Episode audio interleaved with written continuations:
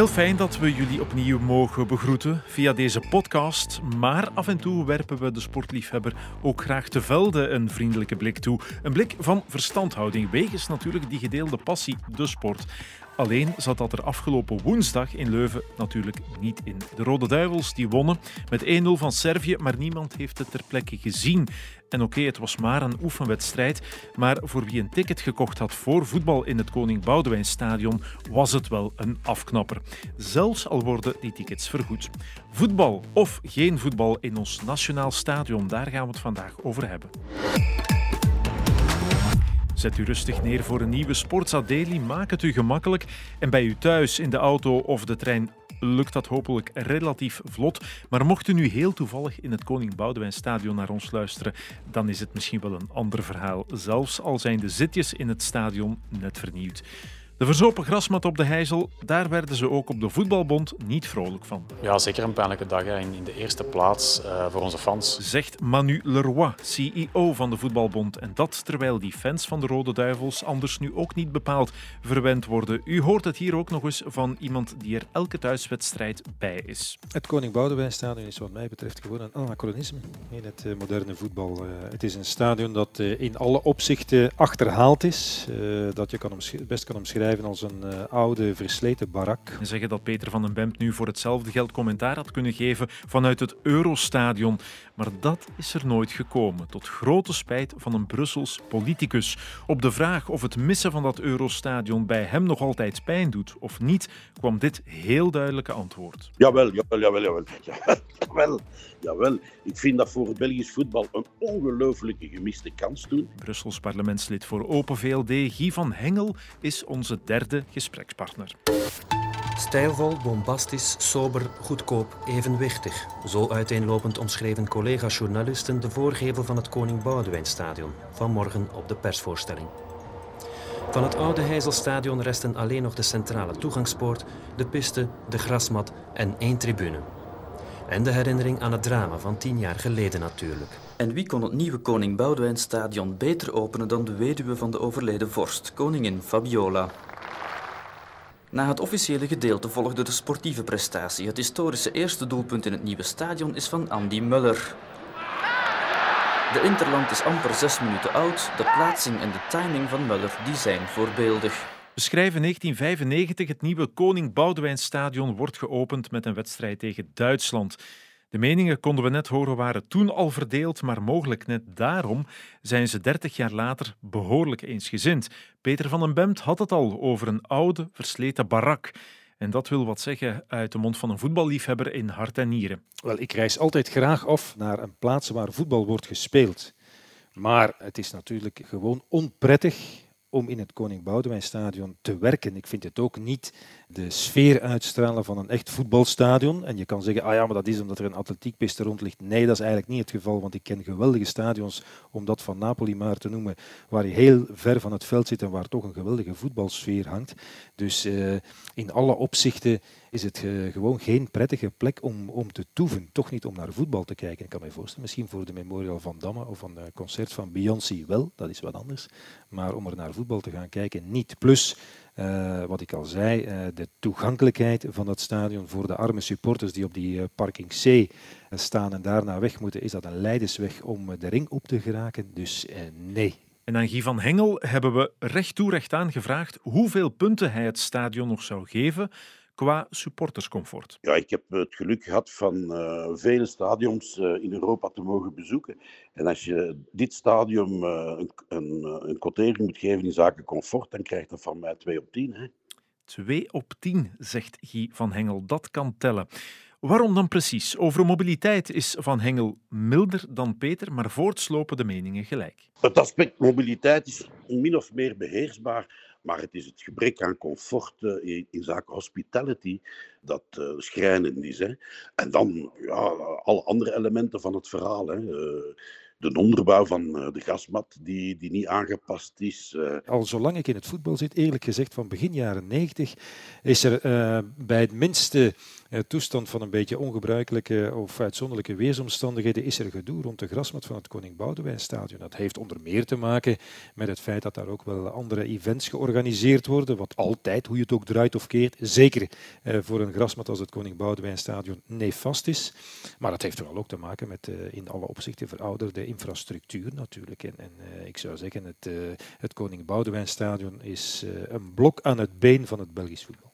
Ik denk dat de boodschap intussen wel duidelijk is. Toch nog even een reis door Europa om dit af te sluiten. In elk land, eh, groot of klein, heb je moderne en modernere stadions die vaak uh, uh, aangepast zijn aan de noden. En soms zijn dat maar stadiontjes van 20.000 mensen, omdat dat land dat nu maar vereist, zoals in Slovenië, in Maribor, staat een geweldig stadion van 20.000 mensen uh, waar de nationale ploeg kan spelen. Dus ik heb al vaker gezegd, wat betreft infrastructuur, ondanks die paar verbeteringen die er zijn geweest en ondanks het feit dat er een, een nieuwe stadion staat in Gent, ja, wat betreft infrastructuur is België een derde wereldland in het internationale voetbal.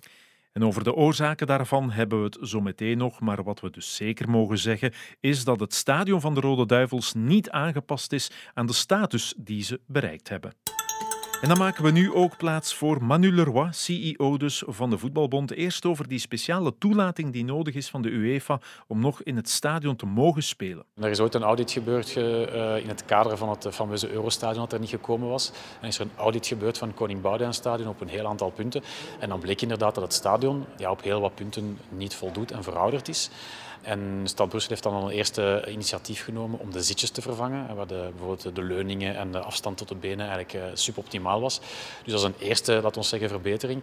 Maar uh, we gaan nu ook kijken met Stad Brussel om te zien voor de komende jaren welke optimalisaties er nog mogelijk zijn. Want het is ook gewoon duidelijk dat wij onze fans uh, het liefst van al in een moderne voetbaltempel willen ontvangen en een top fan experience geven. Dat is vandaag jammer genoeg ook niet het geval.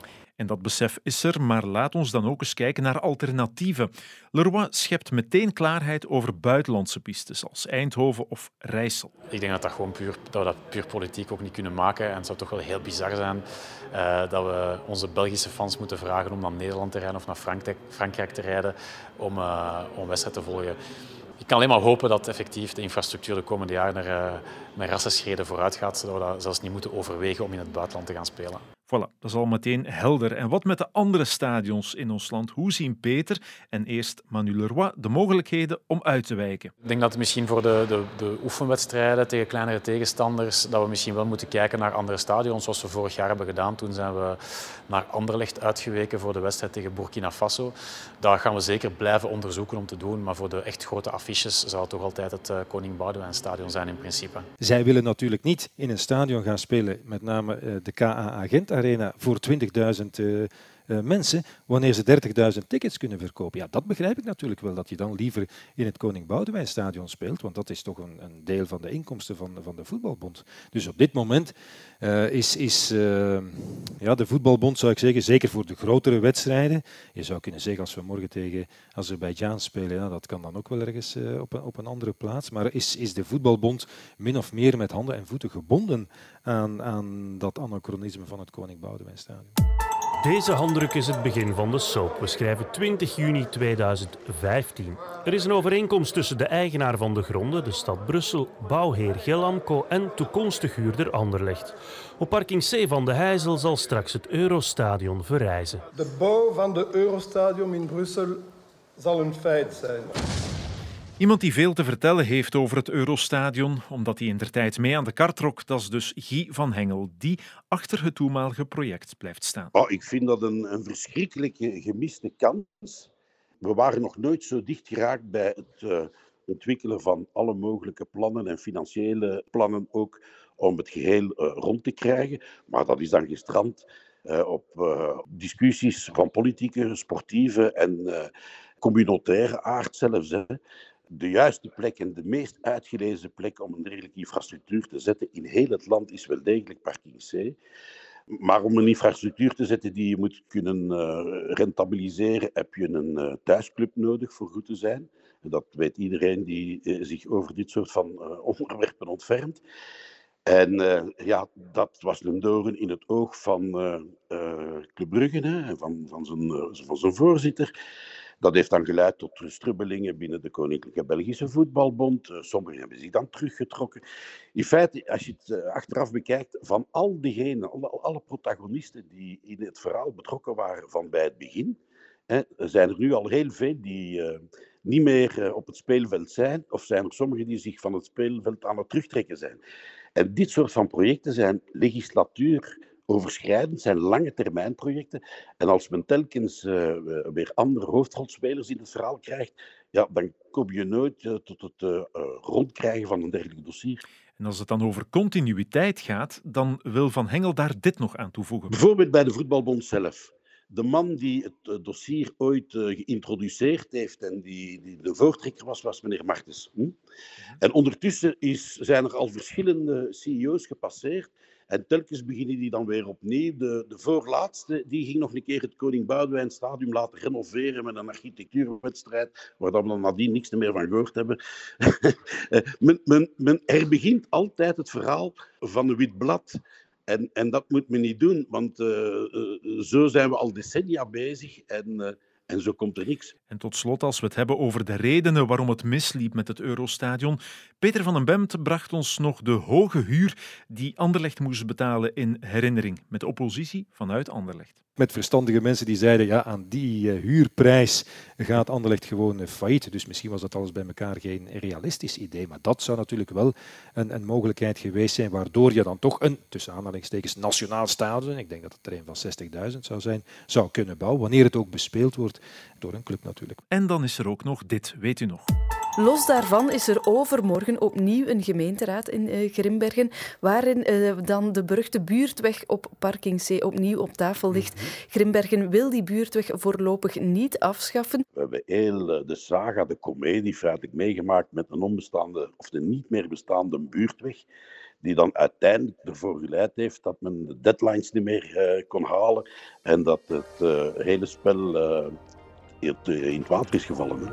Het Europees kampioenschap voetbal in 2020 komt niet naar België. De Europese Voetbalbond heeft de kandidatuur van België definitief geschrapt door debakkelen rond het Eurostadion. En toen was het voorbij en er kwam geen vervolg op Euro 2000. De conclusie van Peter van den Bemt is ook... We hebben een gigantische kans gemist hier.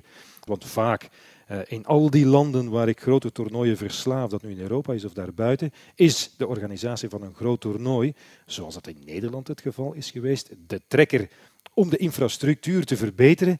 En wat hebben wij gedaan? Een beetje uh, uh, hier en daar wat uh, plakken en wat timmeren en wat hameren. Ondertussen een kwart eeuw geleden en we zijn nauwelijks een centimeter opgeschoven. Hier gaat het anderzijds wel goed vooruit, maar afronden dat gaan we niet doen zonder een blik op de toekomst. Eerst de voetbalbond zelf, bij monden van Manu Leroy. De duivels in het Koning Boudewijnstadion. Hoe lang is dat nog houdbaar? Ja, uiteindelijk eh, bestaat er voor het Koning Boudewijn Stadion bestaat niet veel alternatieven. Hè. Dus, uh, maar we hopen natuurlijk dat de komende jaren dat en het Koning Boudewijn Stadion uh, moderniseert. En anderzijds dat clubs die, nu de die al jaren de ambitie hebben, eindelijk hun stadion gaan kunnen zetten. Hè. Want het is niet dat ze niet willen, maar het is dat ze niet mogen of niet kunnen. Dus we kunnen alleen maar hopen dat die, die twee sporen zich verder ontwikkelen. En dan binnen een paar jaar spreken we misschien totaal anders. Ja, inderdaad, net gezegd, het stadion moderniseert voor een stuk ook wel. Er zijn al de nieuwe zitjes, er is ook de nieuwe atletiekpiste, uitstekend voor de Memorial. Maar Peter van den Bemt die voegt er wel een andere kijk nog aan toe. Luister even mee. Dat de idee van één nationaal voetbalstadion misschien wel moet verlaten worden, hè, dat zou kunnen. Dat is realistisch. Alleen natuurlijk, en ik denk dat dat uh, de, de, lange overlevingsstrijd van het Koning Boudewijn Stadion eh, heeft geholpen of daartoe heeft bijgedragen, is natuurlijk de Memorial van Damme. Want je zou morgen kunnen zeggen, kijk, dat Koning Boudewijn Stadion, daar stoppen wij mee. Uh, dat is, het sop is de kool niet waard. We voeren dat af en de nationale ploeg gaat op reis, zoals dat in wel veel grote landen gebeurt. Hè. Uh, zoals in Duitsland of in Spanje of in Italië. Daar hebben ze ook geen nationaal stadion. Daar spelen ze het hele land door eigenlijk. Maar, maar uh, ja, wat dan natuurlijk met toch een, een mega internationaal event, weliswaar maar één keer per jaar, als de Memorial van Damme. Dat is daar de grote lobby uh, heeft ervoor gezorgd dat er toch altijd weer ja, kosten gedaan worden, wat ik dan op het sterfhuis noem, uh, aan het Koning Boudewijn Stadion. Met name uiteraard, wat ook zeer nodig bleek te zijn, een, een atletiekpist. Natuurlijk top voor de Belgische atletiek, maar ik onthoud ook vanuit voetbaloogpunt kosten op het sterfhuis. En dat terwijl andere stadiondossiers, Antwerp, Club Brugge, ook zo traag of niet vooruit gaan. Het is eigenlijk onvoorstelbaar dat hier bij ons elk stadiondossier nog voor het goed en wel op gang is gekomen, alweer gekelderd of minstens afgeremd wordt door allerlei betrokkenen die eh, in de buurt natuurlijk allerlei bezwaren hebben daartegen. Als je kijkt naar de Leidensweg die het stadion van, eh, van Club Brugge ondertussen heeft, heeft eh, afgelegd. Ja, dat is gewoon te gek voor woorden natuurlijk. En dat laat weinig goeds verhopen voor de toekomst. En dat laat, dus wat ik zei, voorspellen dat het nog wel best een hele tijd gaat duren eer er in ons land hier stadions zijn gebouwd die aan de moderne uh, vereisten van het internationale topvoetbal voldoen, natuurlijk. En toch denkt Guy van Hengel dat er een trekker kan zijn. Onze vraag was: komt er ooit nog een nationaal stadion? Ik denk dat als men er ooit uh, terug wil aan werken, men toch wel dezelfde richting weer gaat moeten uitgaan, omdat er niet veel andere alternatieven zijn. Hmm. Die alternatieven destijds zijn vele legislaturen lang ook bestudeerd geweest. Dus degenen die betrokken waren in de kern van het verhaal wisten heel goed dat dat ongeveer de enige haalbare oplossing was. Maar ooit zullen eh, de opvolgers een keer de draad terug moeten opnemen. En dat zou ook trouwens, eh, in tegenstelling tot wat sommigen vermoed hebben, eh, aanleiding kunnen zijn om ook dossiers makkelijker te maken met betrekking tot andere stadions die, we nog, uh, die er nog zouden moeten komen. Ik denk bijvoorbeeld aan dat van Brugge. Ik denk aan de vernieuwingen van uh, het, uh, de, allee, het verder uitbouwen van het Antwerpstadium enzovoort. enzovoort hè. Manu Leroy van de Bond hoopt dat wat er nu gebeurd is met de grasmat op de Heizel iedereen nog eens wakker schudt. Misschien is het gewoon nog eens een dat zeggen, een, een alarmbelletje of een rode vlag voor iedereen om te kijken wat er kan gedaan worden aan die infrastructuur. Ik kan alleen maar hopen dat uh, de Belgische politiek blijft pushen, dat de administratie de regels vereenvoudigt, zodat het makkelijker wordt om die vergunningen te krijgen. Dat er een soort van versnelling kan gebeuren. Want als we telkens jaren moeten wachten weer als er een vergunning afgekeurd is om een nieuwe vergunning in te dienen. Dus ik kan alleen maar hopen dat die procedures sneller gaan. Maar dat ligt niet in onze handen of van de clubs. Dat is ja, politiek en de administratie. En het laatste woord als voor Peter van den Bemt. Waar ligt nu de toekomst van de Rode Duivels? Ik denk dat uh, de toekomst voor de nationale ploeg uh, misschien niet langer uh, zich situeert in, in Brussel, in het Koning Boudewijnstadion, maar wel in een, een, een, ronde van drie, vier, vijf verschillende stadions in Vlaanderen en Wallonië en eventueel in Brussel, in Anderlecht bijvoorbeeld. wanneer die stadions gebouwd worden, maar ik kan je zeggen, de kans bestaat dat ik dan al lang met pensioen zal zijn. Maar gelukkig zal Peter van den Bemt voor zijn pensioen wel nog vaak kunnen luisteren naar en ook meewerken aan Sportza. Voilà, aflevering 48 zit erop. Wij begroeten u graag opnieuw bij nummer 49. Tot dan.